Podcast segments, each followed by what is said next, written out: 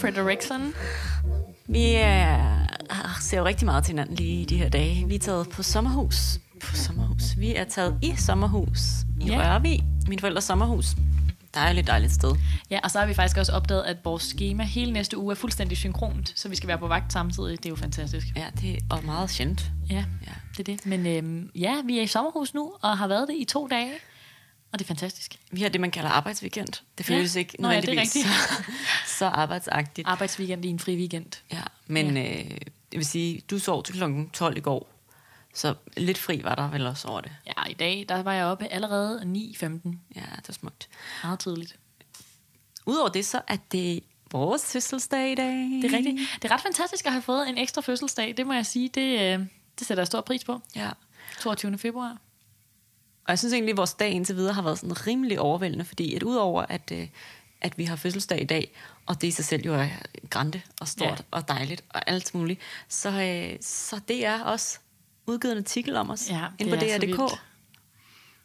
En ret lang artikel. Jeg var ret overrasket over, hvor lang den er, og i den, de har snakket med øh, nogle af jer lyttere, som har sagt de sødeste, sødeste ting om os. Og det har bare ja. været det har sejt, altså. Og vi vidste jo godt lidt, at den artikel ville komme. Ja. Ja. Men øh, det var ret spændende, både fordi vi ikke anede, hvad der ville stå i den, men også fordi, at vi vidste, at, øhm, at det, jeg ligesom havde snakket med nogle af vores lyttere, det var ret, altså det var sgu meget fedt lige at gå ind og læse, ja. hvad, de, hvad de tænker, og de også har nogle ret forskellige øhm, grunde til, at de synes, det er fedt at lytte til Fødselskanalen. Ja. Det er bare skønt. fedt, fedt, fedt.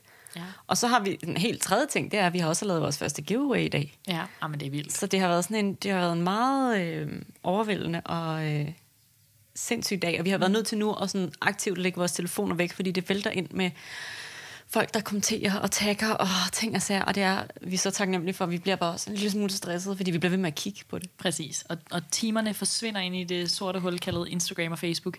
Plus vi har ufattelig lidt selvdisciplin, når det går for mig. Ja, ja det, det tror jeg måske. Jeg ved ikke, tiden går. Ja, men, øh, men nej, det er, vi har det i hvert fald godt heroppe i sommerhuset. Vi var, øh, havde et ufatteligt koldt fotoshoot i går nede på stranden. Ja.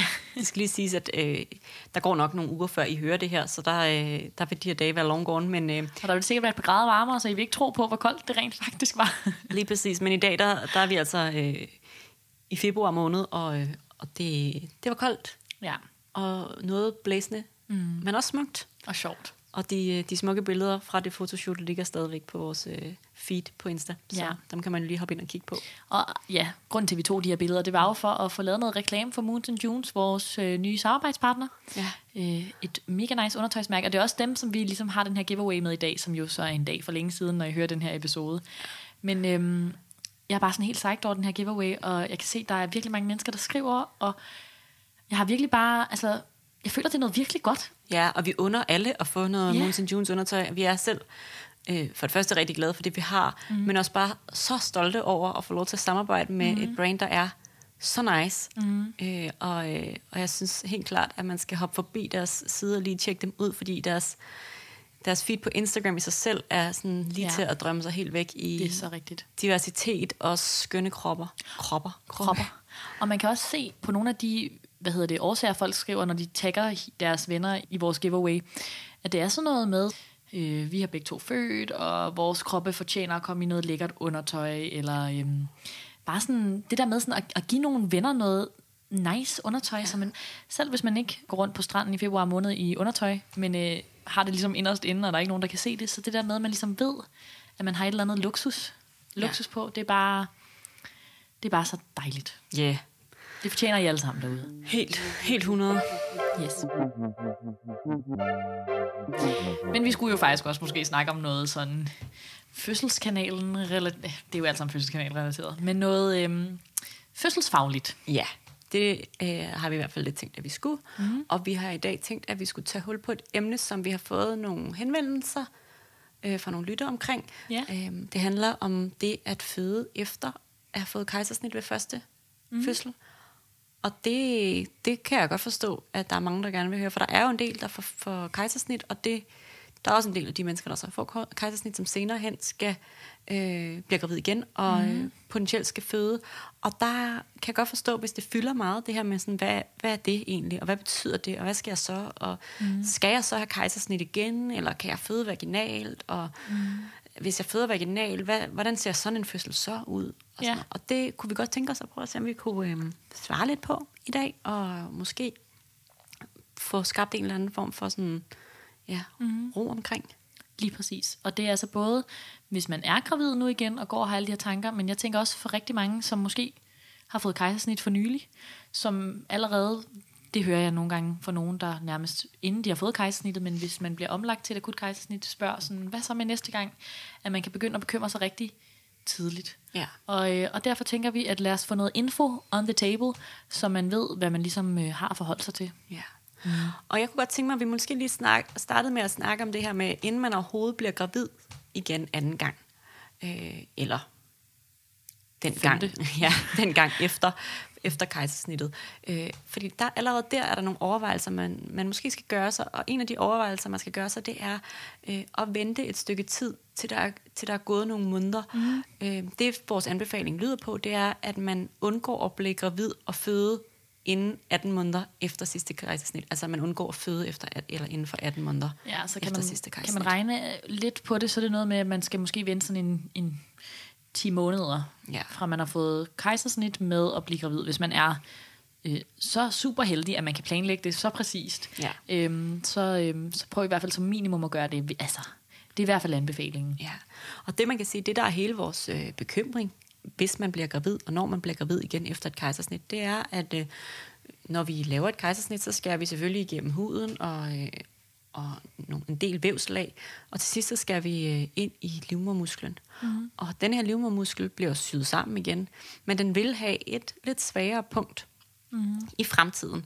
Og det, øh, det kommer så særligt, bliver særligt udfordret, når man bliver gravid igen, mm. og vævet skal give sig, og i særdeleshed, hvis man på et tidspunkt skal føde igen, ja. og livmormusklen skal begynde at lave vejer. Ja, og det er jo sådan, at livmormusklen den udvider sig rigtig meget i løbet af en graviditet, og bliver skal indeholde et helt barn og lave de her vejer, og det giver god mening, at de nervesignaler, der ligesom går hen over livmoderen, også bliver lidt forstyrret, når man har øh, arvæv. Så det gør bare en forskel i forhold til, øh, til både V-arbejdet, men også bare til, hvor stærk er den livmor i løbet af en graviditet. Ja.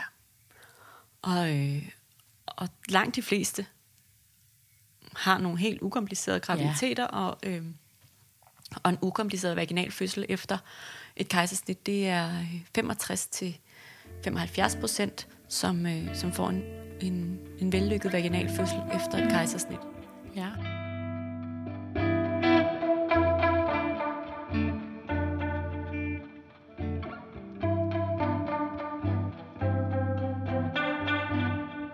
så tænker jeg måske, at vi skal starte med, hvis nu man lige er blevet gravid, mm. og øh, man har fået et kejsersnit tidligere på et eller andet tidspunkt, øhm, så er der faktisk nogle ting allerede i graviditeten, der kommer til at være anderledes. Øhm, man bliver tilbudt en lægesamtale relativt tidligt i graviditeten, som ligesom skal afklare, hvad skal du være opmærksom på i graviditeten, og hvordan kan en potentiel fødsel se ud for dig. Ja, og der vil vi tit også lige gennemgå, hvorfor var det, så man fik et kejsersnit sidste gang, yes. som på en eller anden måde kan give en indikation omkring, om der er noget, man her skal være ekstra opmærksom på i, i relation til en kommende fødsel. Lige præcis. Så det, som alle vil få at vide, alle som har fået et kejsersnit, det er, at øh, der er det her ar på livmoderen, som vi lige har snakket om, og det betyder, at man i løbet af graviditeten skal være opmærksom på, om der kommer nogle smerter. Altså har man... Øh, arvæv inde i ens krop, som ligesom skal strække sig, så vil man altid, eller ikke altid, men der er rigtig mange, der vil kunne mærke, at det her arvæv ligesom skal give sig, og at det kan være ubehageligt. Men man skal altså være opmærksom på, om det sådan bliver decideret smertefuldt, øh, som kan være et tegn på, at, at det her ar bliver sådan overbelastet. Ja, og det vil jo nok betyde, fordi det er svært. Altså, det er svært, når man får at vide, sådan, du skal ja. være opmærksom på ikke at have smerter i arret. Og man så begynder at opleve noget, som man sådan tænker, sådan, kan vide, om det her, er det her egentlig smerter, eller er det mere bare ja. væv, der giver sig? Og og det, er, det kan være virkelig, virkelig svært. Men måske kan man godt, hvis man sådan lige tænker lidt ind i, i det der med, øh, når noget skal give sig, når øh, hud skal give sig, øh, arvæv skal strække sig, at det vil på en eller anden måde have nogle, øh, nogle sensationer med sig. Øh, og alternativet er, at hvis man bliver i tvivl, så, så skal man ind til, til et tjek mm. øh, på enten en, en fødemodtagelse eller øh, øh, en fødegang, eller hvordan det er skruet mm. sammen lige præcis på jeres hospital, til lige at se, hvad, hvad tænker jordmøder og læger om mm. det? Tænker de, det okay? Og så må man tage den derfra. Og der vil sikkert være nogen, som, som går igennem sådan en graviditet øh, uden enten rigtig at mærke arret, eller som måske mærker noget, men også sådan føler sig ret øh, trygge i, at det bare er den følelse, der ligesom er forbundet med, at arret øh, giver sig. Og så vil der være nogen, der bliver i tvivl, og måske er inde til nogle tjek i løbet af, af graviditeten. Og, og lige meget hvad, så er det, det er helt fint. Øh, altid vil vi jo hellere lave et tjek for meget, end et tjek for lidt. Lige præcis. Øhm. Ja, og har man først fået at vide, at man skal være opmærksom på smerter, mm. og går man rundt derhjemme og bliver bekymret, altså nogle gange kan man jo nærmest få ondt bare ved tanken om, at måske er der nogle smerter der, så er det det, man gør, så må man lave nogle tjek. Øhm, men for langt de fleste, så vil det altså bare være den her følelse af, at, at arret skal give sig lidt. Mm. Og øhm, de, langt de fleste vil også blive anbefalet at føde vaginalt. Øhm, det er sådan, at øh, der er nogle, nogle situationer, hvor at det her ar ligesom er lidt mere skrøbeligt end andre. Det er blandt andet det her, vi snakkede om med, at der skal helst være gået 18 måneder siden øh, kejsersnittet, når man rent faktisk skal føde. Og øhm, så er det også sådan, at nu flere gange man har fået kejsersnit, nu mere arvæv vil der være. Så har man fået et kejsersnit, kan man snilt blive anbefalet at føde vaginalt. Men har man fået to eller tre eller flere kejsersnit, så vil vi være mere varsomme, fordi at vi regner med, at der er mere arvæv, og altså at livmoderen er endnu mere skrøbelig. Ja, og så er der den sidste ting, og det er, at i visse tilfælde, så kan der have op, været opstået nogle komplikationer i forbindelse med kejsersnittet, som gør, at man måske har måttet øh, lave det ar i livmoderen større, end man normalt ja. ville, og så vil, vil anbefalingen også være, at man får kejsersnit igen. Men det er igen sådan nogle ting, som man får at vide, mm. øh, både efter kejsersnittet og også øh, i forbindelse med lægesamtalen. Så det er ikke noget, man skal sådan gå rundt og tænke, sådan, kan vide, at mit er lidt større, Nej. end det burde være, fordi det har de styr på lærer. Præcis, så det vil man have fået at vide, efter man har fået kejsersnittet. Så det er ikke sådan, at man tre år senere, når man er gravid igen, skal gå og tænke, kan vide, hvor stort de lavede det er. Nej. Øhm, men så, det er jo sådan de helt generelle anbefalinger. Så må man jo også sige, at øhm, vi tit har behov for at lave en individuel plan i det specifikke tilfælde, øh, man nu engang øh, sidder i, fordi der kan være alle mulige årsager til, at man har fået et kejsersnit. Og er man en af dem, som har fået et planlagt kejsersnit, og slet ikke har været i fødsel eller haft vejer, det kan være, øh, hvis moderkagen har været nede foran fødselskanalen, eller hvis barnet har ligget med numsen først, eller et eller andet helt tredje, så, øh, så vil man tænke, jamen du kan da med stor sandsynlighed sagtens føde vaginalt. Det, øh, det er det, vi gør.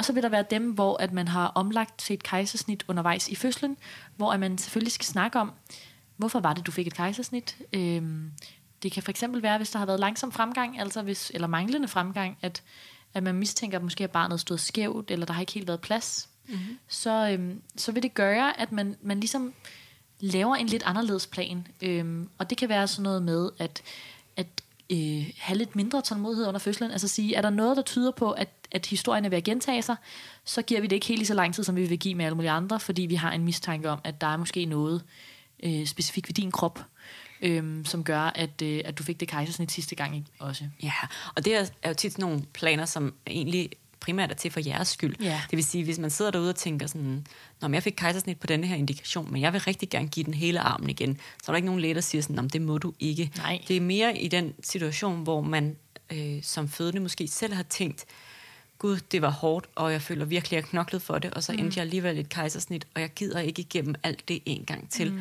Så kan man godt lave en plan, der hedder, når man, hvis vi begynder at se nogle ting, der, der ligner det foregående forløb, så lægger vi om øh, til et kejsersnit, så vi, vi skåner for, for den der sådan lidt langtrukne, øh, udfordrende del.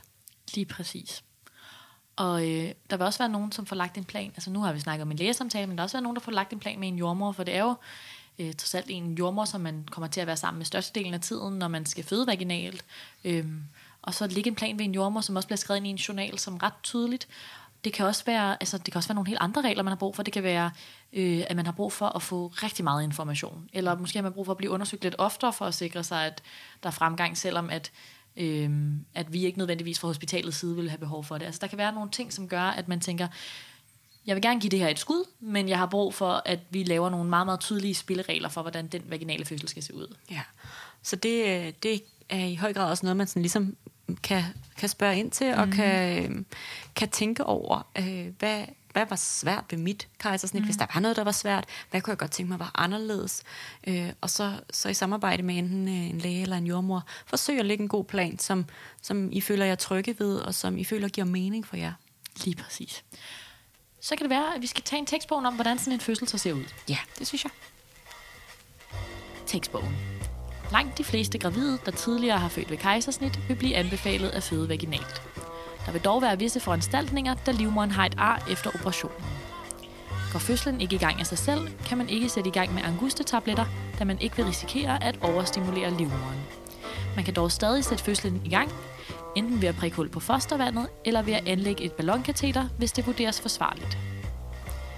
Når fødslen er godt i gang, og den fødende er i aktiv fase, skal fødslen overvåges med CTG. Den måde kan jordmoren holde øje med vejerne, og at livmoren både spænder op og slapper af på normal vis. Man laver denne overvågning, da livmoren har et svagt punkt ved arret fra det tidligere kejsersnit. Det betyder, at der er en lille risiko for, at livmoren vil briste ved vejerne. Bliver livmoren overbelastet, kan det ses på V-mønstret og i nogle tilfælde også på barnets hjerterytme, hvilket er de to ting, man overvåger med CTG'en. Ved mistanke om overbelastning af livmoren vil man omlægge til kejsersnit. Det var øh, det, man på fagsprog kalder øh, VBAC, øh, eller i hvert fald introduktionen til VBAC, eller TOLAC. VBAC det står for Vaginal Birth After Cesarean, og TOLAC står for Trial of Labor After Cesarean. Så det her nogle udtryk, man nogle gange kan komme på, særligt hvis man er inde på sådan engelske mm. sider, Ja. øh, Instagram-profiler og diverse. Ja, man kan jo påstå, at Tolak er den lidt sådan skeptiske version af de to navne, fordi der, den, det hedder Trial of Labor. Øhm, men altså, jeg ved ikke, om man behøver at have det i navnet, men man kan jo sige, det er jo altid lidt en trial of labor. Der er jo en risiko for alle, der kommer ind og skal føde for at blive omlagt til kejsersnit. Ja. Og den risiko er større, hvis man har fået et kejsersnit tidligere. Så er man skeptisk af natur, kan man holde fast i Trial of Labor after cesarean version TOLAC.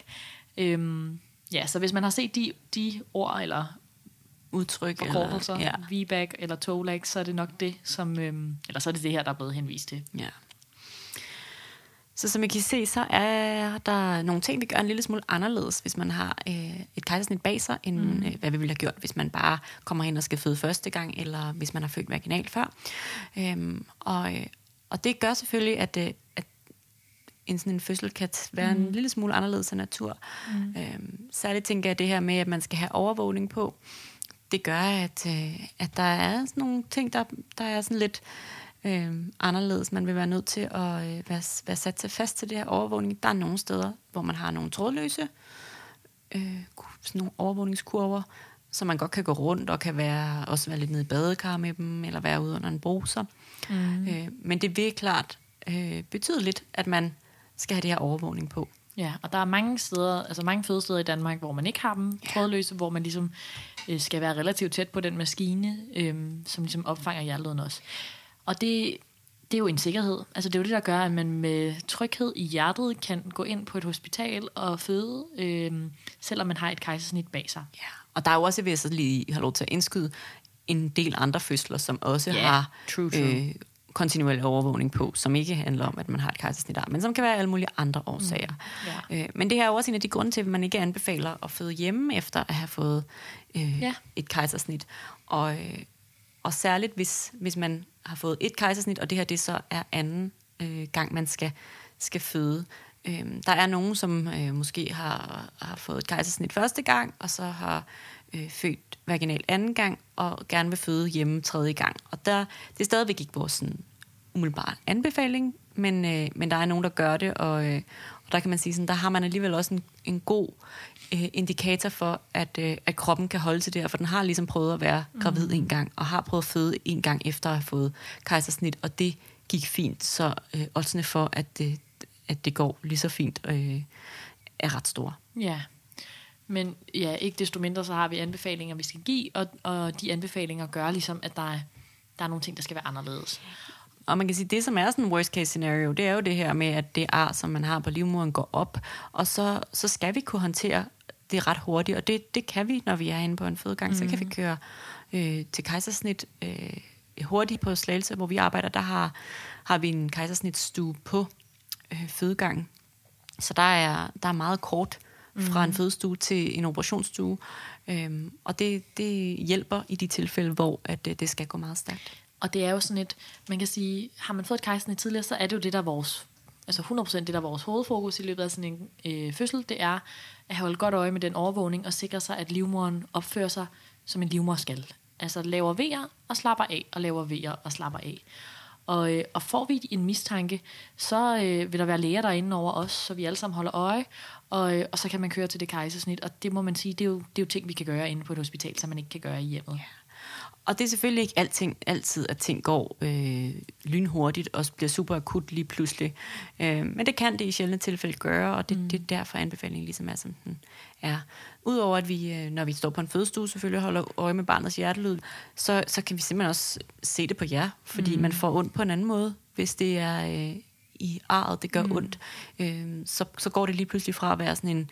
Øh, en V-smerte, der kommer og går til at være sådan en konstant smerte. Så det er selvfølgelig også noget, vi er meget ja. opmærksom på. Lige præcis.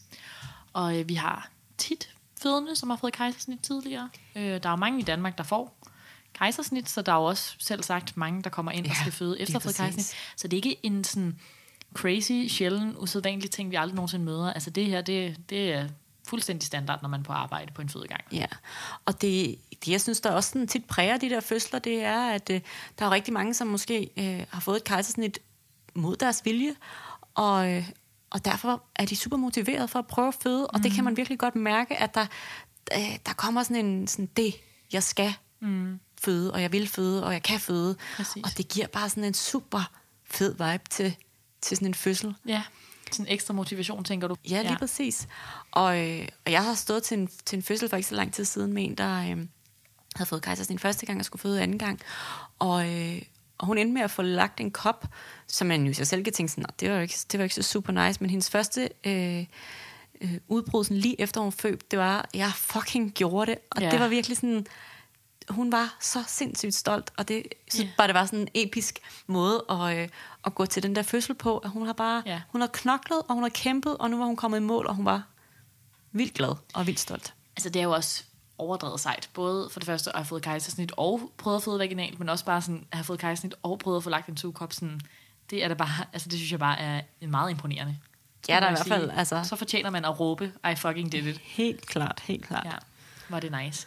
Og det er jo, altså, det er jo det, vi ser tit, at man sådan, både har, øhm, altså man har blevet lidt tvunget til at gøre sig nogle tanker omkring sin fødsel, fordi man ligesom både har haft den her lægesamtale, og måske har man også snakket med en jordmor øh, i løbet af graviditeten om, hvad skal planen være for min fødsel, men også bare, at man har en anden oplevelse med sig, som gør, at, at øh, vi håber jo, at alle, der kommer ind og føder, tænker sådan, yes mand, de her ved at hjælpe mig til at føde. Men der er jo også, altså det vil der jo være øjeblikke, hvor man tænker, hold kæft, nej mand, det her det magter jeg ikke. Hvor at man har bare den ekstra motivation, at man er sådan, jeg er fandme i gang med at føde vaginalt. Altså sådan, mm. hvor er det fedt. Ja. Øhm, og vi har også, altså vi har, øh, på den artikel, vi, øh, vi talte om lidt tidligere i episoden, så var der en af vores lyttere, der i den fortalte, at hun havde født øh, ved kejsersnit første gang. Mm. Det var et planlagt kejsersnit, fordi hun simpelthen havde rigtig meget fødselsangst. Og, øh, og nu var hun kommet til den konklusion, at, øh, at den her gang, der vil hun føde. Og hun fortæller, at hun er stadig bange. Altså hun synes stadig, det er vildt overvældende, men hun havde sådan en følelse første gang af, at, øh, at hendes krop ligesom ikke havde arbejdet, og hun havde brug for, at den skulle arbejde denne her gang, og at hun skulle være med, og hendes krop skulle være med til at føde.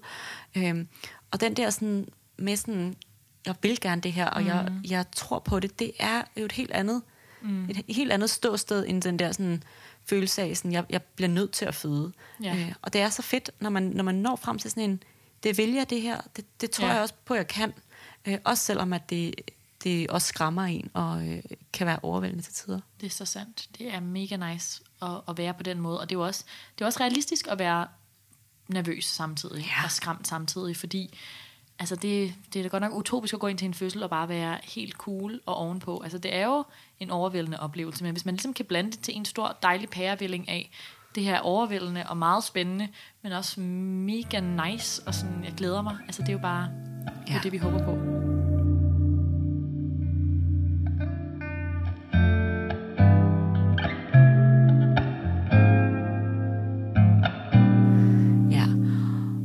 Man sige, øh, der er, vi snakkede lige sådan i tekstbogen om, at, øh, at der blandt andet er nogle ting, vi sådan afholder os fra at bruge, men, men vi kan også godt altså, hjælpe fødslen på vej, selvom man ikke vil give øh, sætte i gang med medicin, så kan man godt give medicin i løbet af fødslen, hvis man mm. får brug for at støtte op om det. Så, så vi har stadig nogle muligheder også for, hvis fødslen skulle, mm. øh, skulle gå lidt i stå, eller hvis man skulle få brug for lidt hjælp med et, med et V-stimulerende drop, ja. så er det stadigvæk en mulighed.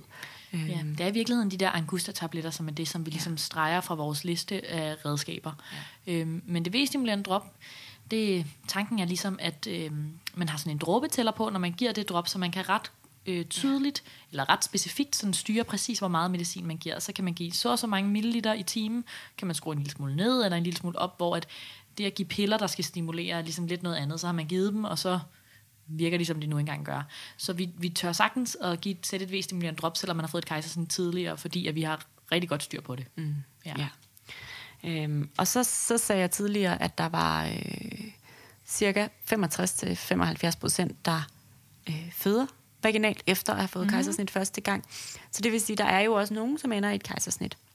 Ja. Øh, og nogle af dem vil være planlagt på forhånd, men der vil også være nogen, som, som ender i, i et nyt akut kejsersnit. Mm. Øh, og, og der synes jeg, det er vigtigt, hvis man, hvis man er en af dem, som er bekymret for det, eller øh, sådan tænker, øh, at det nok er der, det ender, fordi det gjorde det nok også, det gjorde det også første gang, og at det sådan ligesom bliver ens fokus, så prøv for det første at fokusere på, at det er altså størstedelen, der føder. Mm. Og for det andet, så ved det her med, det har vi har snakket lidt om i den episode, vi har lavet om kejsersnit, at lige meget, hvordan man vender og drejer så er det godt for både, både din krop, men også for barnet, at have de her vejer, mm. også selvom at det ikke ender i den vaginale fødsel. For det er ligesom en måde at forberede jer begge to på, at, øh, at nu skal barnet ud, og ja. du skal være forældre igen. Mm. Øhm, så prøv at holde fast i de her ting med alle de positive ting, der er ved at give fødslen et skud. Ja, det synes jeg er så vigtigt.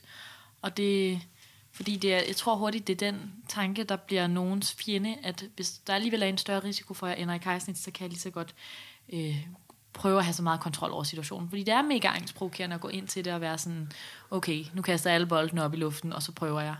Øhm, men, men så prøv i stedet at have fokus på alle de ting, der er gode ved det. Altså tænk sådan, nu begynder jeg at have vejer, og jeg ved ikke, hvordan det her ender, men det her er virkelig godt. Så nu begynder min krop at arbejde, nu begynder den at finde ud af, at jeg skal have et barn, og nu begynder mit barn at opdage, at det snart skal fødes. Og øhm, tænk på alle de fordele, der vil være i det under alle omstændigheder. Ja. ja.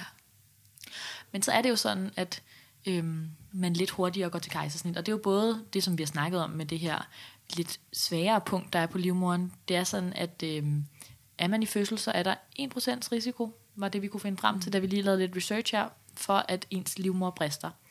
Øh, og det er jo en lille risiko, men den er der, men det vil tit, altså, som man kan regne ud, hvis man så lige hørte Frederikkes statistikker med, det er 65-75 procent, der føder vaginalt, så vil der jo være rigtig mange, der får et kejsersnit af en anden grund. Ja.